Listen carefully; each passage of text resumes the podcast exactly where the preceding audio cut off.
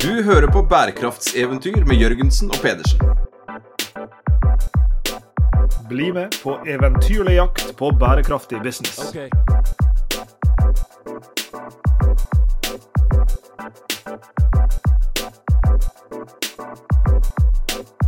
I denne episoden av Bærekraftseventyr Sveinung, så skal vi eh, dekke en god del landskap, føler jeg på meg. Eh, for vi, eh, vi har en gjest på besøk som vi nok kunne ha tatt mange innganger og dekka mange tema med.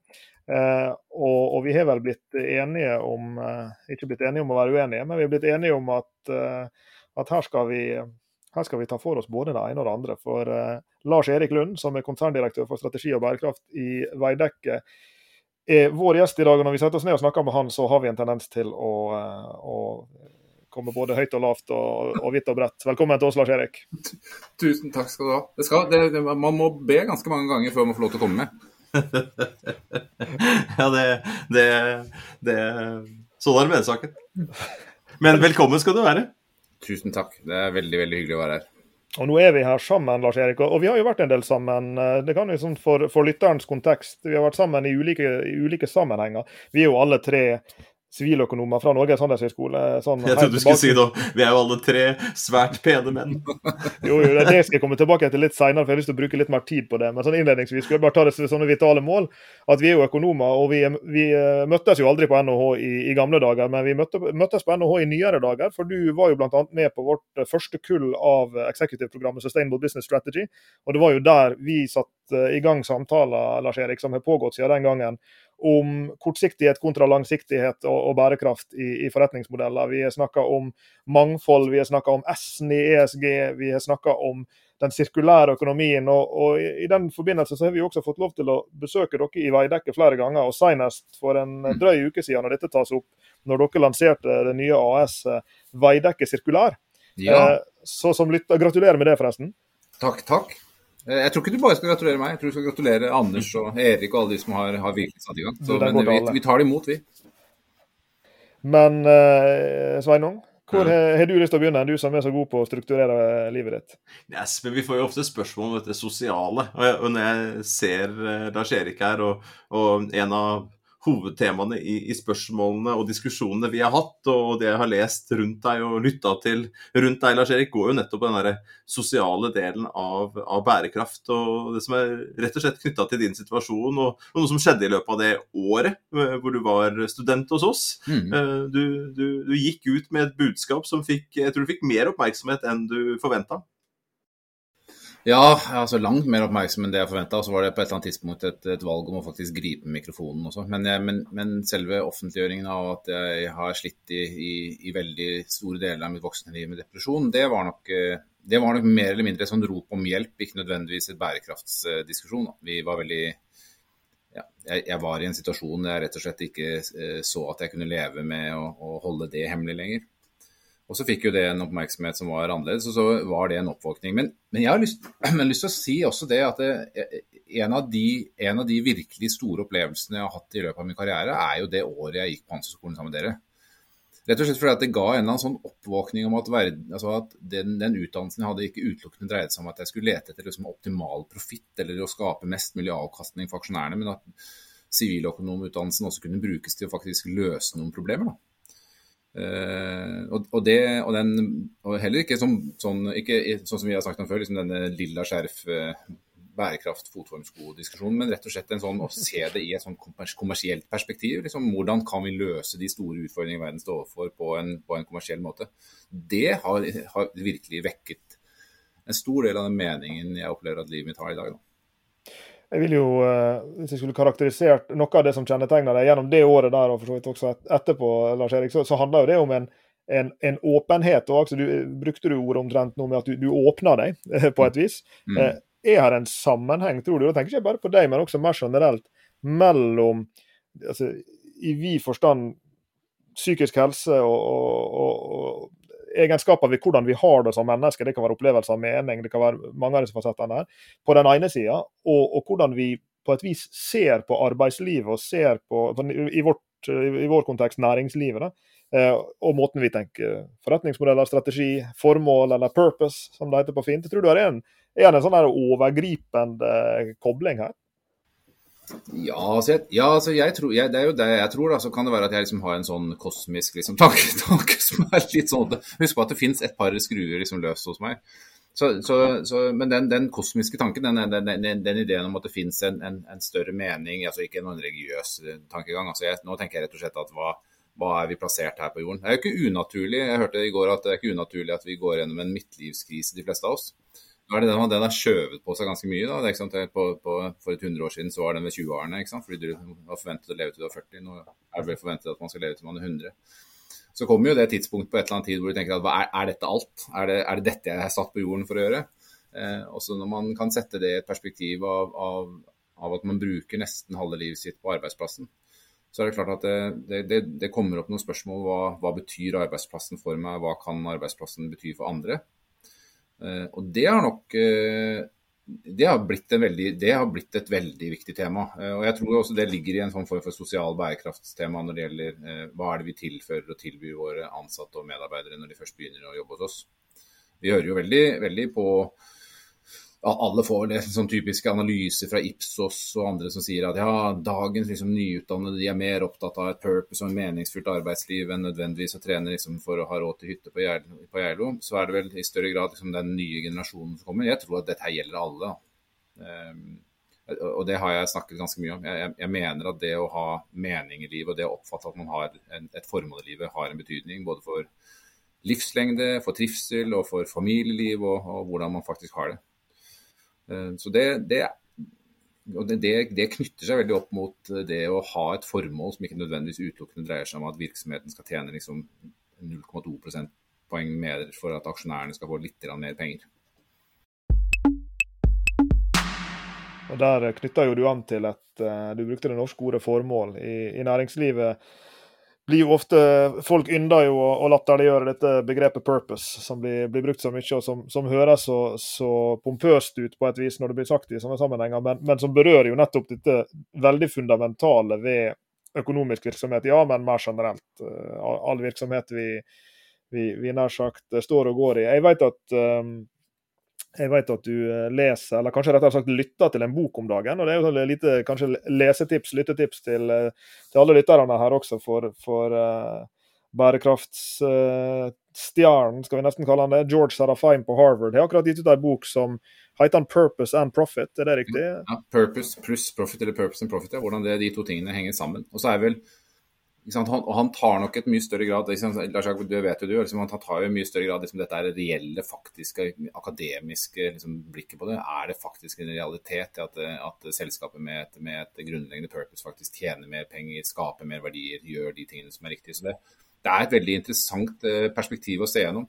Og så er det mange norske virksomheter som kommer fram som jeg syns er spennende. Ikke sant? Type Summa Equity og Reiner blir omtalt, og, og, og Erik Åsmundsen, som dere har hatt på hos dere tidligere fra, fra Norsk Vending, som nå er i Verdane. Så, så det, er, det, er et, det, er et, det, er, et, spennende verk da, å gå gjennom, og, og, kan også sammenlignes mye med det, med det Alex Edmans eh, hadde i sin bok 'Grow the Pie'. Tilsvarende, tilsvarende problemstilling, men kanskje fra et litt annet perspektiv. Jeg sitter og tenker litt på ansvar her. og så sitter jeg og tenker litt på den første boka vår, Lars Jakob, eh, som, med tittelen 'Ansvarlig og lønnsom'. Og så har jo mye av diskusjonen gått mer over til bærekraft eh, etter hvert. og Bærekraft og lønnsomhet, bærekraftige forretningsmodeller. Men i 'ansvarlig og lønnsom' så, så, så prøvde vi å dra opp et paradoks der. ikke sant? Mellom liksom behovet for lønnsomhet på den ene siden og ansvarlighet på den andre siden.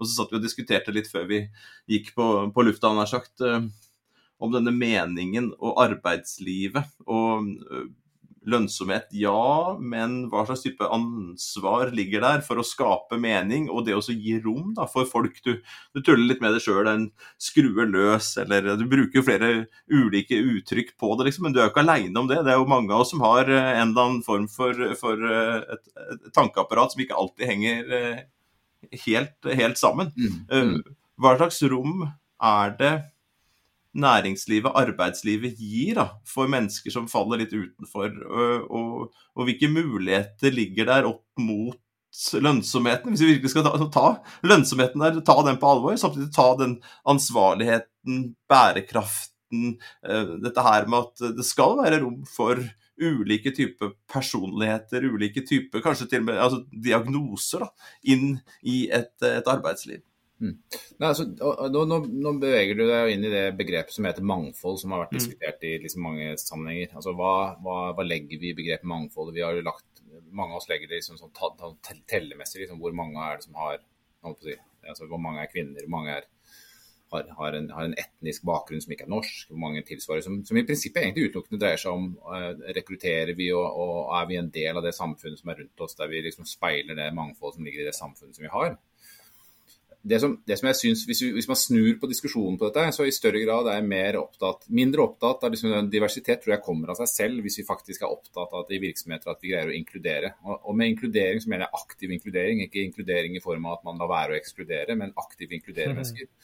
Og Da må de aktivt inkluderes som den de er. Mens vi er ekstremt flinke da, til å få folk til å liksom, uh, feire likhet, uh, eller sameness, eller hvordan, hvordan skal folk se ut helt likt.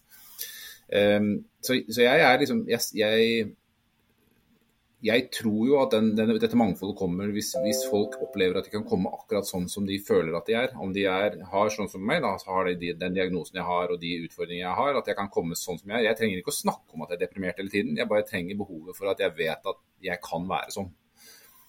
Det gir jo et, eh, et perspektiv for verden som er litt annerledes. Den, det, et sånn type mangfold, å starte der, er viktig. Vi, og, og, det har ikke næringslivet vært veldig flinke til. Så i dag så sitter vi jo fremdeles og diskuterer ja, men hvis, vi skal gjøre, hvis, hvis kvinner skal jobbe på denne arbeidsplassen her, det er jo veldig tungt, Lars Erik. Ja, men Hvem er det som har ansvar for det? Skal vi, da, liksom, skal vi jobbe for at kvinnene skal bli enda sterkere, så de kan klare å gjøre jobben? Eller skal vi faktisk tilpasse arbeidsplassen slik at alle kan gjøre den jobben? Og Det er her jeg mener at ansvaret vårt ligger. Det er å gjøre rette for og legge til rette for at alle kan komme og gjøre den jobben. Eh, vi har noen veldig veldig grelle eksempler på det. altså Hvis du går tilbake til Jeg, jeg pleier å vise et bilde av, av, eh, av sykepleiere fra 70-tallet på Ullevål sykehus. Der går alle i skjørt og liksom har sånn liten rar hatt på hodet. Eh, og så, så, ser alle det bildet, sier jeg men hvor mange av dere hadde tenkt at hvis jeg hadde satt følgende regel at vi ønsker å ha 10 menn blant sykepleiere på, på Ullevål sykehus, men vi gidder ikke å bytte uniformer før vi har kommet over 8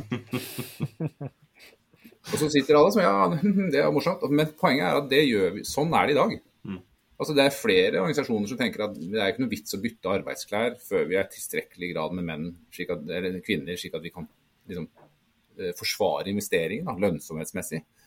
Men her mener jeg liksom det er vårt ansvar å gå foran og, og rydde, rydde, vei for at det skal være mulig, fremfor å liksom tenke at ok, vi må komme mange nok før vi kan gjøre noe med det. Det tok ganske lang tid før de skifta uh, jobbtittelen på jordmor, f.eks. Det er jo nå uh, endra. Men, men, jeg liker ekstremt godt den, den, det skillet du gjør mellom eh, inkludering som noe som skjer aktivt, kontra at, at det ikke bare er en sånn passiv, passiv form for inkludering. Vi, vi, tolererer at du er her, men den aktive inkluderinga. Og sånn, Forskeren i meg kjenner at det, liksom, det brenner i magen med en gang. fordi at jeg tror jo at det der, som, som hypotese, da, hvis du hadde klart å skille mellom de selskapene som driver mangfoldsarbeid og inkluderingsarbeid på måter som er kall det da aktiv, aktivt inkluderende, for å, for å, bruke den termen, da, kontra bare en sånn passiv, tolererende eh, inkludering, så, så vil jeg jo kanskje forvente at den førstnevnte gruppa klarte å hente ut mer altså, kall det positive ringvirkninger av det også i form av, av, av, verdiskaping, i form av innovasjon, i form av det å kunne teppe inn på de gruppene det er snakk om, enten det er ja, som, du, som du er inne på, det er kjønnsrelatert, om det er etnisitet, om det er med hensyn til, til uh, psykisk helse og uhelse, eller hva nå enn det, uh, det måtte være. Ja, Fortsatt lyst til å. Jeg, tror, Hvis du går på vanlige barneskoler i dag og spør om, liksom, eh, om de barna som eh, blir invitert med på liksom, bursdagsselskap, liksom, rett og slett fordi regelen er at alle skal bli invitert, så tror jeg de som er blitt invitert med, som ikke liksom, forventet å bli invitert med, de vet at de, liksom, er, liksom, de er ikke inkludert. De, er bare, liksom, de har droppet å ekskludere det. Og det, og det, tror jeg ligger i, i liksom det begrepet som noen, noen har fortalt meg. Liksom, altså, fravær av eksklusjon betyr ikke at man inkluderer. Og vi, vi, har en, vi, har en, veldig sterk tendens til å tenke at så lenge vi liksom ikke gjør noe skade, liksom, så lenge liksom de får lov til å vandre rundt her, men vi ikke aktivt gjør noe med det, så er det greit. Vi jobber ikke så veldig hardt med å forsvare det, og vi, vi er ikke spesielt opptatt av, av, av å, liksom faktisk inkludere. Men, men, det er det, det, jeg leter etter. Da. Det er den ene siden av bedrifter vil ha glede av et mangfold hvis de faktisk greier å inkludere eh, mangfold. Og det andre er at mennesker som kommer på jobb som føler seg annerledes, er annerledes, tenker annerledes, vil oppføre, vil være tryggere, bedre, eh, kunne gjøre jobben sin bedre, føle en større grad av tilhørighet, hvis de faktisk blir aktivt inkludert. Hvis det ikke bare er sånn at vi aksepterer at du går sånn som du gjør, men at de faktisk aktivt blir, blir ivaretatt og tenker at ok, men hva er det du kan tilføre fordi du er sånn du er. Hva kan du bidra med? Eh, og følelsen av å faktisk være der og uten å liksom måtte forsvare det eller prøve å skjule at man er annerledes.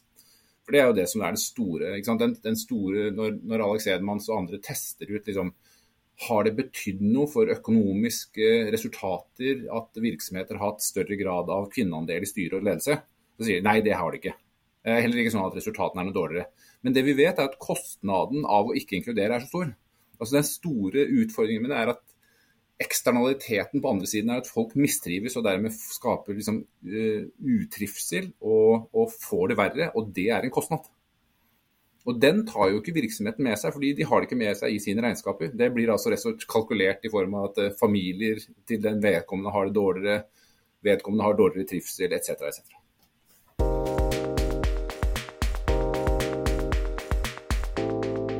det er lett å gå på kjønn her, og vi begynte diskusjonen litt på kjønn. Og så snakker vi abstrakt om mangfold, eh, og så har vi vært inne på dette her med skruer og sånne ting. Som hen, hen, ja, men henviser liksom mot det, mot det mentale, da. Um, så, én ting er jo å ha aktivt mangfold um, på kjønn. Uh, så, så, og det er vanskelig nok i seg selv. ikke sant? I en del yrker så har det vært liksom ensbetydende den, den type jobb har vært knyttet til det ene eller andre eller andre kjønnet. Og så etter hvert så, så får vi det tredje kjønnet, og kanskje enda flere kjønn Eh, et bredere spekter der. ikke sant? Men når det gjelder disse psykiske problemene fordi der er det sånn der, Hvis man leser liksom diagnosene, så hva, hva, er det man får på diagnosen? da? Så får man liksom ikke mann, kvinne eller en tredje-fjerde variant. Men, men, du får jo sånne type ting som ja, manglende evne til å ta ansvar, følge opp uh, arbeidsoppgaver, kanskje ikke så veldig sånn sosial, sliter med relasjon Det er jo en del sånne type, sånne type trekk som ikke nødvendigvis står eh, beskrevet aktivt i en jobbannonse. Det er ikke øverst på listen. det er jo ikke det. Altså, hvis du hadde tatt liksom nå 100 sånne jobbannonser og kjørt, dem, kjørt en kjapp eh, kvalitativ analyse på dem, ja. og, så, så, hadde man liksom ikke funnet den type beskrivelser av, av mennesketyper nødvendigvis. Og du sitter jo sjøl i en konserndirektørstilling. Um, og så, så, og det, jeg syns det er ganske sprekt gjort å gå ut med det. Og så ganske sprekt gjort av, av, av, av virksomheten din å omfavne det. Og så er det en ganske stor utfordring for andre å skulle ta tak i det. Ja, hvordan skal vi på vår arbeidsplass i NHH, da? Nå skal vi ansette. Og nå tror jeg det er viktig at vi får en, en, en, en doktorgradsstipendiat som har disse kriteriene. Eh, som, da, som, som, som mange, på mange måter går i motsatt retning av det å f.eks. skrive en doktorgradsavhandling, eller det å drive undervisningsarbeid, eller det å drive aktivt veiledningsarbeid med studenter osv. osv. Mm. Eh, hva, hva er dine tanker rundt det? Nei, det, det, og, og Sveino, det var et veldig bra spørsmål. og litt så krevende å svare på mm. også. I de fleste tilfeller så sitter jeg og tenker at liksom, de, de, menneskene jeg kjenner som har et, en, en, type nevromangfold, da, enten det er bipolaritet, ADHD eller den type ting, så, liksom også, så, har de jo noen ekstreme egenskaper i ene enden, og så har de noen, noen, noen, utfordringer i andre enden. Og vi vet jo, de fleste av oss som har, har disse utfordringene, vi vet veldig godt hvor vi, hvor vi har utfordringer og, og, og forsøker å gjøre noe med det. og så er det det som blir fokusert på. Liksom, det er liksom problemene eh, med, med, med, oss. Eh, og så er det, På den andre siden det, så ligger det noen veldig positive egenskaper med det. vi vet jo at både ADHD og, og bipolaritet har liksom økt eh, prevalence, altså flere, flere, tilfeller av ganske høy intelligens. Det er, det, er, det, er, tilfeller av, av, av noen, noen, egenskaper som er ganske ekstreme i forhold til arbeidssamhet og, og, og tilstedeværelse, og så andre ting. da. Så, det, så er, jo, det, er jo, begge sider av, av det spørsmålet. Men igjen så tror jeg det dreier seg litt om å faktisk å kunne møte det for det det er. fordi hvis du ikke vet om det, altså hvis du ansetter mennesker som du ikke vet har ADHD, ikke vet har bipolaritetslidelse, rett og slett fordi de ikke søker å, liksom, eh, gi dem mulighet for å kunne være åpen, så har du ikke noen garanti for at de ikke har det. liksom. Så du ender jo opp allikevel med den samme liksom, befolkningen. da. Så det, jeg, jeg, det, er derfor jeg tror at det, vi i større grad, istedenfor å se for, for, oss at vi skal liksom, her er den stillingen vi skal ha, la oss finne en måte å liksom slipe deg rundt fra det firkantede eh, dyret du er, og slipe deg rundt og dytte deg ned i det runde hullet. Se på måter å se på hvordan skal vi gjøre hullet tilpasset slik at det passer den firkantede fyren du er. da. Eh, for det er jo ikke noe tvil om at eh, Og det syns jeg det er mange bøker som, som, beskriver det som en veldig spennende tilnærming. Jeg vet at Marcus Buckingham, han tidligere Gallup-forskeren som nå skriver flere bøker, han har også beskrevet det at det liksom, vi har en tendens til å se på liksom at well-rounded people er bra. Så liksom, så liksom, hvis du er, hvis du er, hvis du er han, han, beskriver vel Messi som et sånt dyr som var ekstremt god med venstrefoten, ikke spesielt god med høyrefoten, veldig kort. som liksom det, det, man gjorde når han først kom, var å liksom se om man kunne øke høyden sin, få litt mer styrke og trene over høyrebeinet. Og så liksom på et eller annet tidspunkt så fant vi ut at det som er viktig her, er, er, jo, er jo, ikke det. Det viktige er jo å sørge for at liksom, det venstre beinet er et dødelig våpen. At han faktisk får lov til å benytte seg av de egenskap, de ekstreme egenskapene man har. Og det, det, det, tror jeg ikke vi gjør så ofte. Jeg tror vi tenker veldig mye i sånne skjematiske former. At det, liksom, det skal passe inn i denne formelen, en sjekkliste for å sjekke at har den personen liksom, disse egenskapene. For det, det, er jo fristende å tenke på Er det Unicus de heter, som kun ansetter folk med Asperger, f.eks. Eh, og det er jo lett eh, for meg å forestille meg ok, de er kjempeflinke på analytiske oppgaver. De, de kan sitte med monotone oppgaver, de kan sitte og se på store dataprogrammer, så kan de gå inn i koden og finne feil. Eh, og de elsker og de er flinkere til det enn noen andre. Og så Det var liksom behagelig på en måte som en arbeidsgiver da, å tenke liksom, ok, da har vi en sånn type avdeling. Eller en type avdeling nå Jeg kan ikke nok om ADHD til å si det jeg sier nå, jeg skal prøve meg likevel kreative, energiske. Uh, mange sånne positive egenskaper. Ok, da, da, da lar vi de ta seg av det.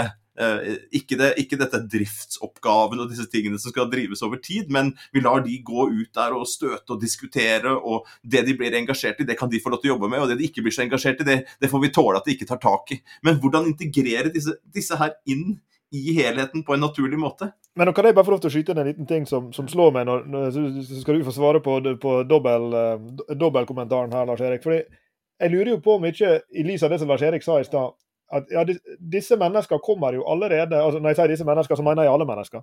Kommer jo inn i arbeidslivet allerede, og så har de ulike typer egenskaper. Men de kan være skjult for oss, og de kan være synlige for oss. Det kan bli snakka om, og det kan ikke bli snakka om. Og jeg vil vel f.eks. anta at det sikkert er en overrepresentasjon av folk i sånne klassiske drifts- og organiseringsroller, som er veldig flinke til å huske på alt, on top of everything. Uh, ja, Der er det kanskje en overrepresentasjon av folk med ulike typer angstrelaterte lidelser, f.eks. For eksempel. Fordi at du, du, du, orker ikke tanken på at liksom her, du mister kontrollen, så derfor har du kontrollen. Jeg lever veldig godt med å ikke ha kontroll. Ting er i fri flyt, det liker jeg veldig godt. Og så er det andre typer oppgaver jeg aldri ville gitt meg. Pga. egenskaper som Skal vi liste opp?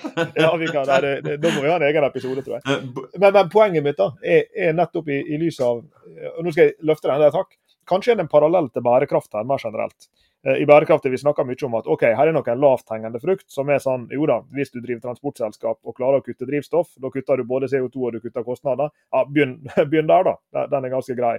Og så er det noen sånne neste nivå, sånn som det som Sveinung er inne på. Ja, Hvis du driver et konsulentselskap for IT, og du kan eh, hente personer med asperger til å være de som feilsøker i koden, ja, da finner du faktisk et slags nesten konkurransefortrinn. For du tepper en del av markedet som per i dag ikke er attraktive arbeidstakere, så tar du dem til å gjøre akkurat den jobben som de er veldig godt egnet til å gjøre. Ja, Der er en sånn der, kall det mer positiv, sånn, nesten sånn konkurransefortrinnsorientert tenkning rundt i det tilfellet sosial bærekraft. Ja. Eh, men så vet jo vi som, som, jobber med bærekraft alle tre, at det selvsagt også er disse vanskelige caser. Der er bærekraftsforhold både av miljømessig og sosial karakter som er vanskeligere å, å håndtere på en måte som er forenlig med lønnsom drift. Og de, må vi også gjør noe med. Men her er vel kanskje en sånn trappetrinnsnivå her i, av, typer, i dette tilfellet inkludering, da. Ja, men det, men det er liksom, la oss, la, oss, la, oss, se mangfoldet i liksom det store perspektivet. altså Så kan vi tenke liksom om funksjonshemming som en av de da? Og, det, og at, og at det, å, det, å, ha en mental lidelse eller en nevromangfoldig liksom, eh, altså en eller annen utfordring med, med, med nevromangfold vil, vil, vil, være en, en fun, type en funksjonshemming. da. La oss, la oss, anta det. Så er det jo sånn at det er jo det er veldig få blinde som søker jobb som bussjåfør. Liksom. Og, det, og, det er, og, det, er, naturlig at det er en del sånne ting som liksom ikke ville vært helt utelukket for en del. Eh, eller å bli fjellklatrer eh, hvis du ikke har arbeid. Liksom. Det, liksom, er, noen naturlige ting. Og, og, så er det jo imellom her så ligger det med de mest ekstreme elementene og de som er liksom helt La oss kalle det de normale, da. så ligger det jo ulike former for utfordringer. Eh, i alle mulige baurokanter. Det jeg er opptatt av, det er at det, eh, det å ha ADHD-diagnose, det, det, er masse positive egenskaper med det. og vi ser masse, uh, positive, Det samme gjelder bipolaritet. Det vi ikke tar høyde for, det er at det, det, er en del krevende situasjoner med det. Og de krevende situasjonene blir verre hvis man må holde det hemmelig. Altså Hvis man må gå og bære på det alene, så blir det verre. Og det er, jo, det, er jo, det er, jo, noen av disse situasjonene som gjør at det er lettere å se og faktisk ta med seg det mangfoldet som en, en med nevromangfoldig diagnose har, hvis de får lov til å være den de er. Um, jeg har et eksempel på det. at La oss ta vår egen bransje. Da, så, så, tror jeg vi jeg, jeg, jeg, har sagt det før, jeg tror det er, jeg, tror ikke det er like mange åpent uh, feirende og, og altså, homofile i vår bransje som jeg har sett i andre bransjer. Um, og, og, Da er spørsmålet er det årsaken til det at uh, homofile ikke søker seg til vår bransje fordi de opplever det som en maskulin eller litt annen bransje? Eller er det, er det, årsaken til at de ikke tør å si fra at de er det når de først er ansatt? Uansett så er det et problem. så har, for meg så er, det, så er det liksom sånn at det, it goes without saying at man skal føle seg velkommen og ønske å kunne komme hit og faktisk føle at man kan være akkurat den man er. Og at det er vår, vår jobb da, som både arbeidsgivere og vår jobb, det er min jobb som, som har de privilegiene jeg har, dvs. Si ikke de ulempene som uh, man har hvis man er noen ganger har, har, som kvinne, eller noen ganger har som, som, som med andre uh, form for, for uh, mangfold. Så er det sånn at de, hvis jeg ikke har det, og har det privilegiet, så er det min jobb å kjempe for andres rettigheter å kunne komme sånn som det er. da. Jeg vet ikke, det, og, det, og, det, og, det, er bra for samfunnet, fordi folk får lov til å komme som de er. Det er bra for bedriften, fordi vi tror at eh, da kan, å, eh, da kan alle sammen få lov til at de kan få lov til å være den de er, og slippe å bruke tid på å skjule seg selv. Også, og det er bra fordi vi kan trekke frem de egenskapene de har som faktisk er positive for, for en mangfoldig organisasjon.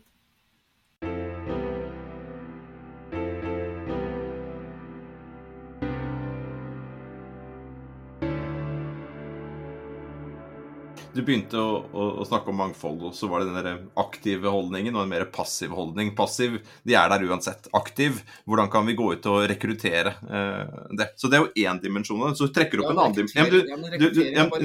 Ja, ja, men du trenger bare en liten del av det. Ja, ikke sant? For, nå, for det, det, takk skal du ha, for det er det jeg vil mot. For nå underveis, når du, når du, beskriver dette her, så sier du at um, OK, de er der. Glem rekrutteringa, de er der. Eh, men vi må være mer aktive, ikke bare i rekruttering, men også i hvordan vi, hvordan vi gir rom for dette her i, i hverdagen, da, for, å, for, å, si det sånn. Eh, for du sier det at eh, noe av det verste som skjer da, hvis man først har det sånn, det er å ikke kunne prate om det. Så da blir mitt neste spørsmål til deg hvordan skal vi da håndtere det? Fordi at dette her er rundt oss. ikke sant? Det er rundt oss i alle organisasjoner, i, i, alle, alle, steder vi er i, i samfunnet, så har vi det.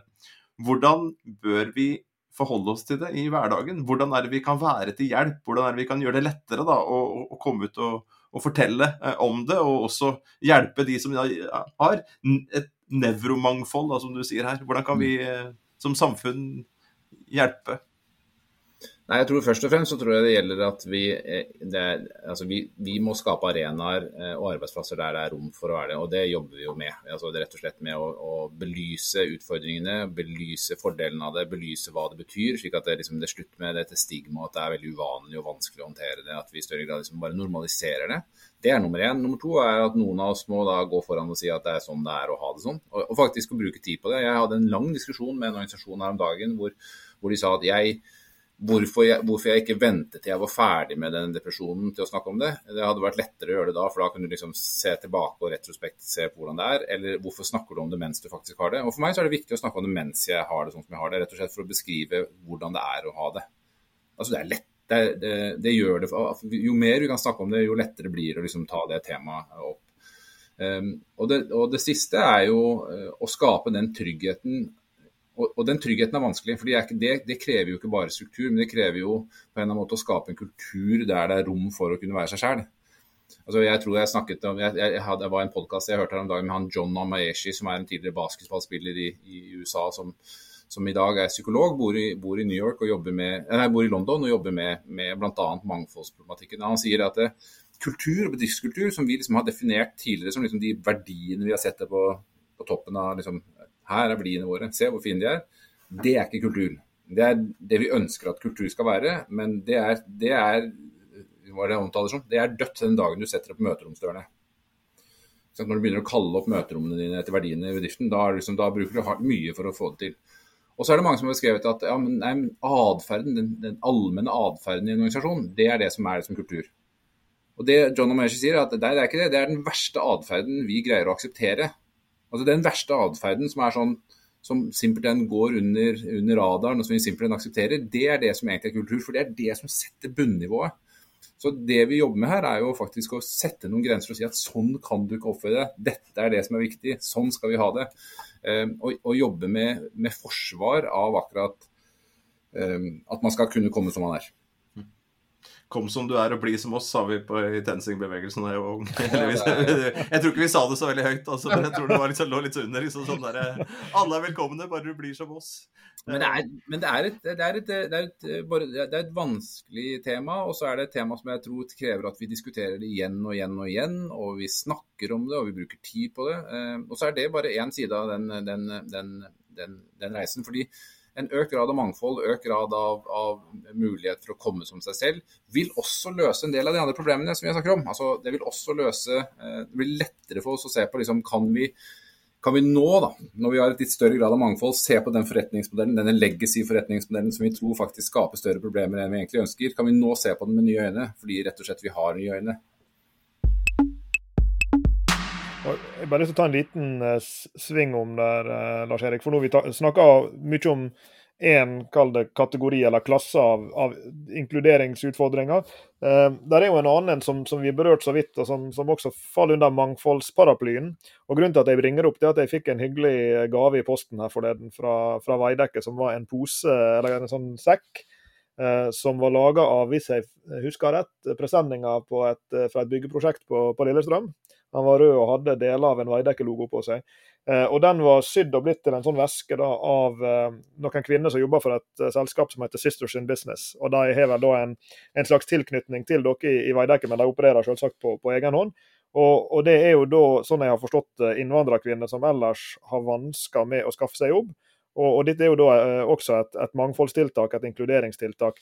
Hvordan ser du på, for du, du, har vært ganske tett på dette prosjektet, hvordan ser du på den typen mangfolds- og inkluderings... Både utfordringer, men også mulighetene som ligger i det. Og, og hvordan skiller den seg fra, fra, det som vi nå har snakka om, som, som, dreier seg om nevromangfold og, og, og psykisk helse? Nei, Det skiller seg jo, altså I mange tilfeller så skiller den seg jo mest av alt på det at det er synlig. Altså, det er både synlig i forhold til hvilke navn de har, eh, og det er synlig i, i, forhold til at rett og slett de, de, de ser jo ut som innvandrere. Så det, det, Sånn sett så er det liksom deler av det. Og så skiller det seg ut ved at de har en erfaring og en bakgrunn, så det er veldig få av oss som har født og oppvokst i, i Norge og feiret eh, trygge 17. mai hvert eneste år liksom i 53 år har hatt det.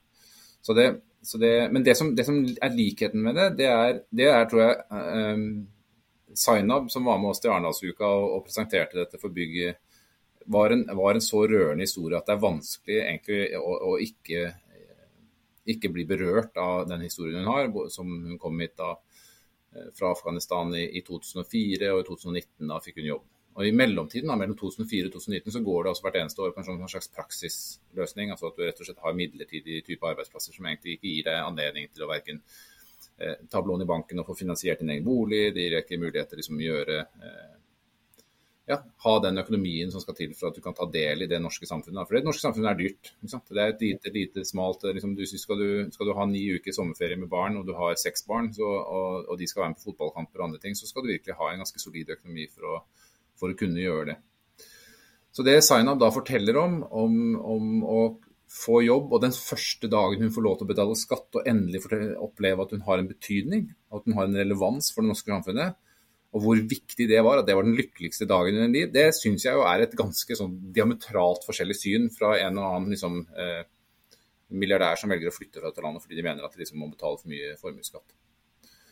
Så det er et, og jeg tror at det, det, gjelder jo alle sammen, det å ha noe meningsfylt, det å føle at man har en betydning, det å føle at man er relevant, i det samfunnet man er i, det er eh, livsnødvendig.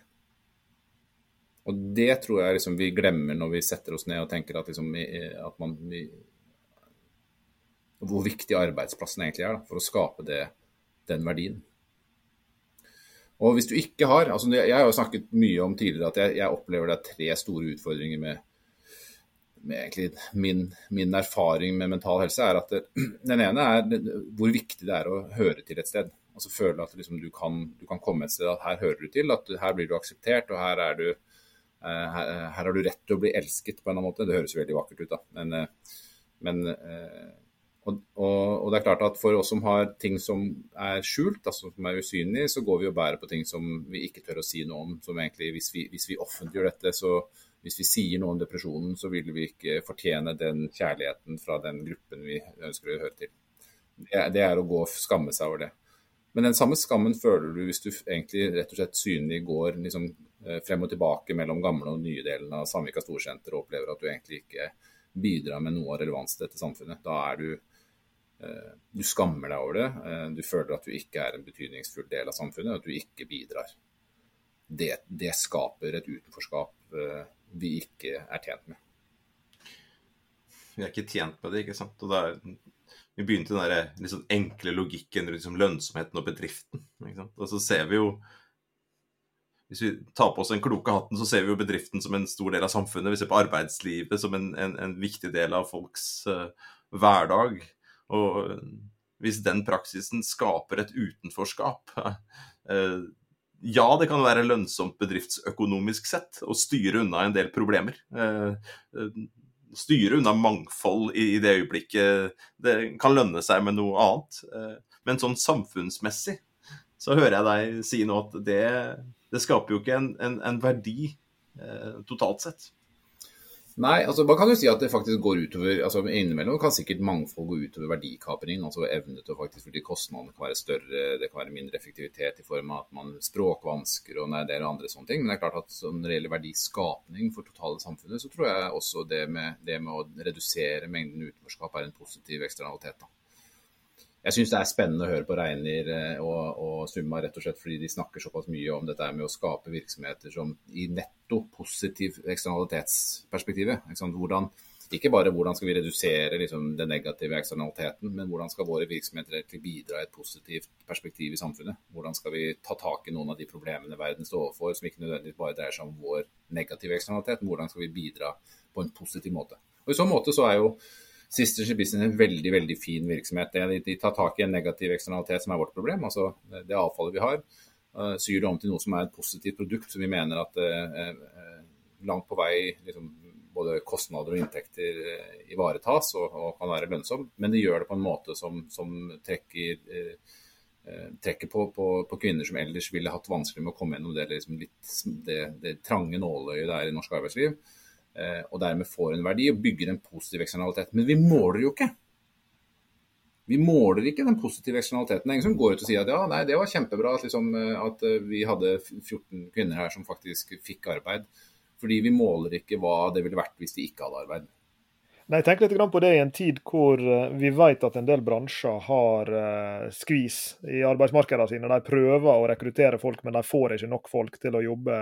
Det er vel kanskje sant i enkelte deler av, av din bransje også. Vi vet at uh, hotellnæringa, serveringsnæringa, transportnæringa sliter mer og mer med å finne, finne den arbeidskraften de, de, ønsker seg. Og jeg vil jo tenke at her er en sånn positiv eksternalitet som du sier, som, som går litt over tid. da, på at det å altså, Kall det et slags kollektivt uh, inkluderingsprosjekt. Sånn, sånn mangfoldsmessig på, på, i dette tilfellet det som handler om, om etnisitet, uh, vil, vil, over tid spille over igjen til til kall det bedriftsøkonomiske utfall. da. Det er bare at vi måler ikke de tingene der på et vis. For de er ikke nødvendigvis bedriftsinterne heller. Der er spillover altså går på tvers både fra en bedrift til en annen, og, og, og til og med over bransjer.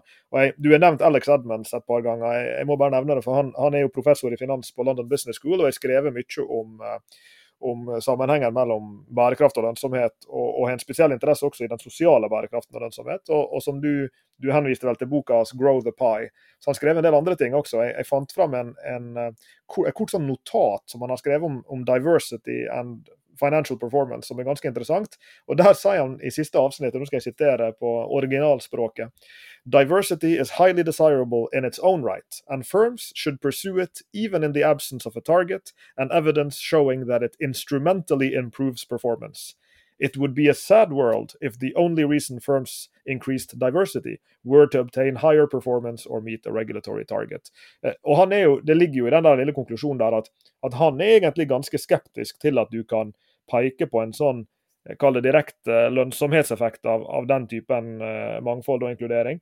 Men, men, jeg lurer på om ikke han da kanskje ser litt for snevert på det, og at disse større ringvirkningene, enten det er på bransjenivå eller mer generelt i arbeidsmarkedet, kommer tilbake igjen og the chickens come home to roost, eller hva nå en metaforen måtte bli, fordi at det fører til et, et arbeidsliv som alle disse bedriftene da kan nyttiggjøre seg av mer tilgjengelig og kvalifisert arbeidskraft til oppgaver som det ellers er vanskelig å få besatt. Ja, altså, men artikkelen som han skrev, er jo litt i tråd med veldig mange andre som, liksom, av akademikerne som gikk i gang med å hive seg løs på McKinseys liksom, eh, artikkel fra 2014 som sa at ja, nei, økt mangfold bidrar til bedre lønnsomhet. Og så tror jeg de alle sammen har slått fast at ja, nei, nei, det er ikke nødvendigvis riktig. Det er ikke nødvendigvis sånn at det er feil heller. Eller det, det, det, det blir ikke noe dårlig resultat. Men vi klarer ikke å finne vi, vi finner en korrelasjon, finner ikke kausalitet. Så er det, og det tror jeg også Alex sikkert er enig i, at det er, en, det, er det kortsiktige perspektivet i det. At vi, vi, har, vi, måler jo ikke liksom den sosiale eh, verdiskapningen av at faktisk alle blir inkludert, eller vi måler ikke eh, effekten av redusert utenforskap eller, eller, sånne ting som egentlig er en del av, av, det han snakker om når han snakker om, om, om paien. Så det tror jeg er riktig. Men, men, men rett spist, liksom rett akademisk gjør han det. Og så, og så syns jeg da fremdeles at jeg, om, det, om, det, skulle være sånn at et business case var positivt liksom, eller ikke, er jeg ikke så veldig nøye. Det som er utfordringen for meg, er at vi bruker det som et business case. At vi tenker at eneste årsaken til at vi gidder å jobbe med mangfold, er at det faktisk skal skape bedre lønnsomhet. Det kan godt være at det skaper bedre lønnsomhet, og det er fine, men, men det er jo ikke årsaken til å drive med det. Årsaken til å drive med det er at det rett og slett er vårt fordømte ansvar å sørge for at vi rekrutterer og, og, og, og, speiler det samfunnet som er rundt oss. Da. Og Det er det, det, er det liksom blir, for det, Hver gang jeg har disse diskusjonene, så ender det opp med at jeg blir kritisert da, for at jeg liksom, ah, du er så negativ. jeg er ikke det. Jeg er snarere svært positiv. Jeg bare syns at det er, viktig, det er, viktig, å jobbe in its own right. Det er viktig å jobbe med, med, med mangfold rett og slett fordi det er, det er, verdt å være mangfoldig. Uavhengig av om du tjener penger i det korte bildet eller ikke. Da.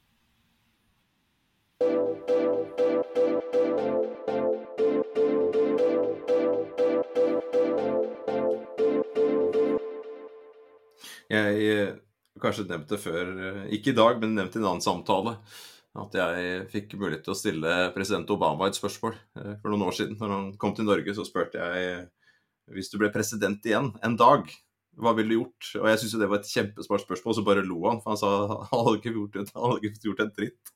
Han hadde jo fått uh, kommet uh, på besøk og hilst på gamle kjente og tusla litt rundt og gjort litt småtteri, men hvis han virkelig skulle fjort noe, så, så ville det ta uh, lang tid. Og dette er en digresjon, for jeg tenkte at jeg skulle gjøre deg til rektor for en dag på NHH. Jeg, jeg, jeg tror nok rektor, rektoren vår ville svart omtrent det samme. liksom, På en dag så, så er det begrensa hva han får gjort da, med huer som, som oss, som, som som jobber på NHH. Men hvis du nå skulle fått lov til å være liksom, eh, rektor eller undervisningsminister, da, og, og, og, og, tenkt at den rollen hadde en påvirkning på, på, på NHH og, på utdanningen i det hele tatt, utdanningen, utdanningen og, forskningen, hva skulle du på en måte i hvert fall i det minste ønske deg fra, fra oss da, som jobber i sektoren? og Du, du har jo en bakgrunn fra, fra NHH sjøl for noen år siden. Du har vært og, og tatt nye studier nå i det, i det siste, så du, du, kjenner jo godt til institusjonen og, og måten å tenke på. Hva, hva, ville du anbefalt å gjøre, også gjøre, og hva ville vært eh, sånn,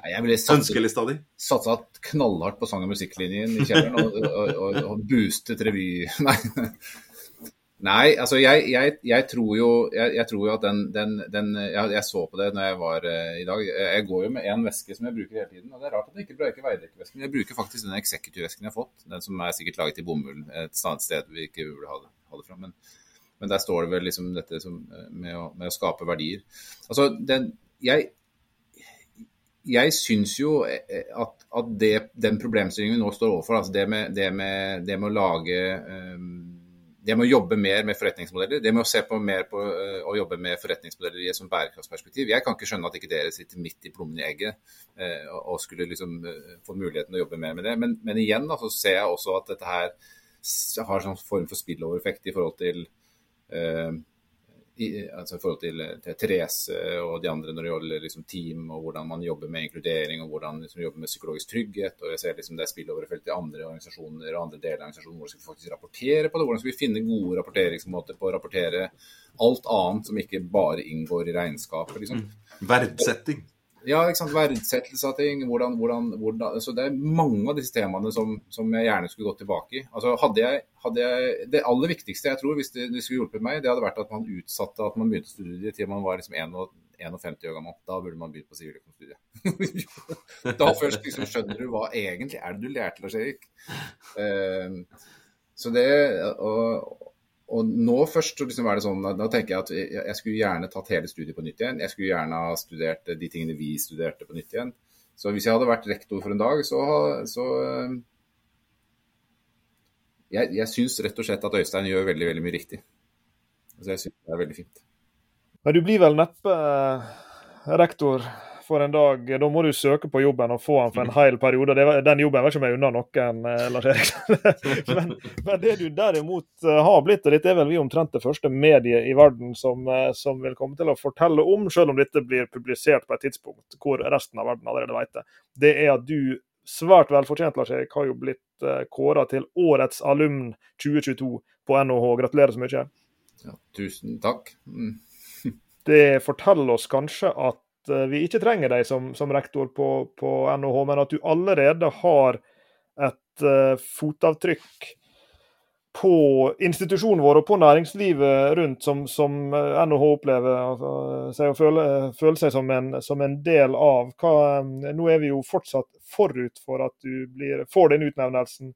Hva er det du vil komme til å si om, om, om hvordan du kan bruke dette her for å, for å hjelpe både næringslivet og NHH og alle andre til å bli enda bedre på disse tingene som, eh, som du har vært talsperson for det siste året?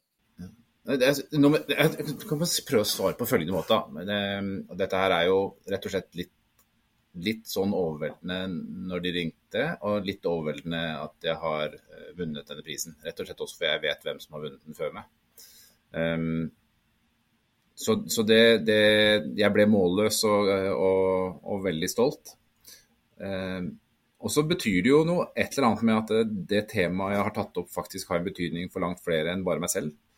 Um, og, og, det opplever jeg også i, i, hver eneste dag, egentlig. Jeg får veldig mye henvendelser om at dette er noe vi baler med, eller jeg har lært mye, eller jeg, jeg trenger å få vite hvordan det er. Så, så, det å faktisk få en sånn utnevnelse gjør jo altså at jeg føler på en eller annen måte en trygghet og en at, at, det jeg har gjort er riktig. At jeg, jeg, jeg bør fortsette i den, den retningen da, med, å, med, å, jobbe for, for, det arbeidslivet jeg ønsker at det skal være. Um, så har jeg vel sikkert fått den også, fordi at det, på en eller annen måte så tror jeg at eh, folk som kommer fra Handelshøyskolen, uh, er vellykkede. Uh, ikke bare pene, men også vellykkede. Ikke bare pene og masse flommende hår. Og, altså at, rett og slett at det de, de, de oppleves jo som vellykkethet, og det oppleves kanskje mange som som ikke kjente Eller som ikke Det er ikke så typisk, liksom. Eh, at det er noen i, i, av en sånn type utdannelse som faktisk eh, har slitt sånn som jeg har. Men det betyr jo også at verden Altså, livet er jo ikke liksom rett fram hos alle. Eh, eller jeg tror neppe det er rett fram hos noen av oss. Er det litt overvurdert dette her med vellykketheten i en sånn type utdanning? Altså Hvordan er det folk egentlig har det. Og, jeg bare sitter og tenker litt på ja, ja, Vi begynte jo med mangfold, eh, og, og, idrett har vært nevnt her. ikke sant? Det har vært saker nå i det siste om en håndballstjerne som, som har levd med en hemmelighet lenge, og endelig kunne tre fram som den hun han egentlig er, f.eks. Ehm, er det mange sånne historier? Altså, mange sånne, vi vet jo det etter covid f.eks. så er det veldig mange studenter og mange institusjoner som har stått fram med en, en, type ensomhet og, og, og beskriver angstlignende tilstander ehm, og, og en, en, større sårbarhet og har vært mer åpen, åpning for det. Og, tror du ikke du også kan hjelpe de, de mange?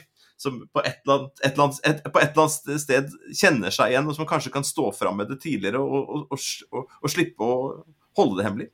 Ja, altså det, det, og det er, jo, det er, jo, flere som tar kontakt i forhold til det. Men jeg, jeg, det er greit for deg, Lars Erik, som er liksom 53 og har hatt en karriere, at du faktisk er åpen, at du er deprimert og, sliter med det du gjør. Det, skader jo ikke nødvendigvis karrieren, fordi du rett og slett har fått mulighet til å bevise at du faktisk får det til. Um, og så er det to perspektiver ved det som jeg sa til den enkelte, og det var i går. altså som spurte om jeg bør jeg si fra at jeg har en angstlidelse eh, i intervjuene, eller skal jeg bare la det gå. Jeg er usikker på om jeg får jobben hvis jeg sier fra. Da er det sånn, ok, damn if you do, damn if you don't. Hvis du, hvis du ikke sier fra, Så, og du, fordi du rett og slett mener at dette er en arbeidsgiver som ikke vil akseptere det, så er det sannsynligvis ikke en jobb. Det er ikke et jobb du vil ha. Du har ikke lyst til å jobbe der så lenge. Eh, hvis du sier fra, og personen så, og du får den, så er det liksom Så jeg, så jeg er ikke sånn Jeg tror nok at jeg, hvis jeg skulle gått tilbake til min karrierestart, så hadde jeg sagt veldig tydelig fra allerede da hvordan jeg hadde det. Eh, det gjorde jeg aldri.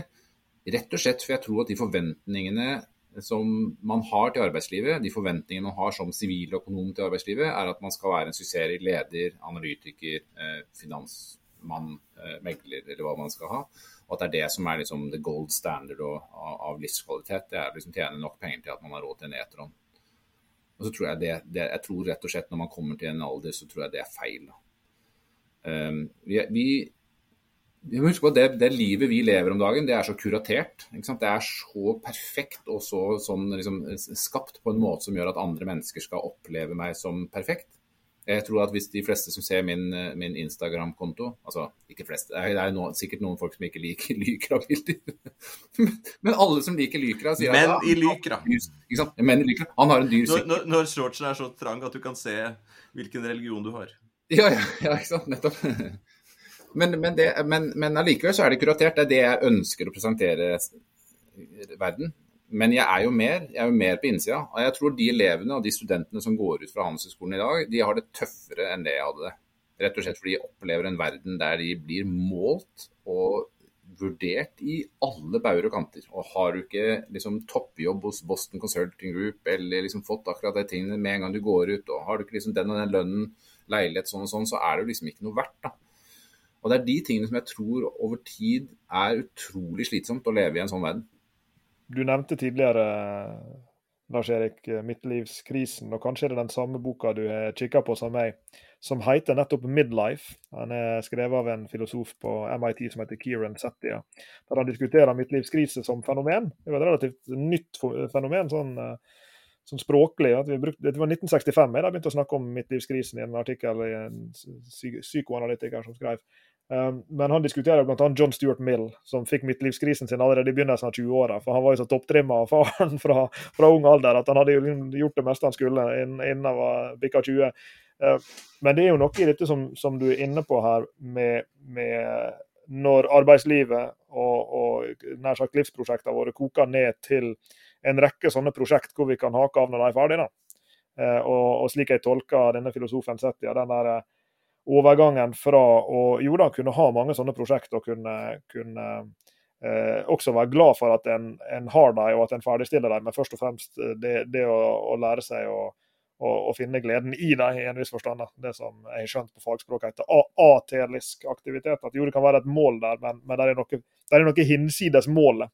Eh, og, og, og, det knytter seg kanskje til bærekraftig eh, business også. altså at vi jo, disse indikatorene forteller oss noe om hvor vi er på vei, men, men, her er noe substansielt som skal endres.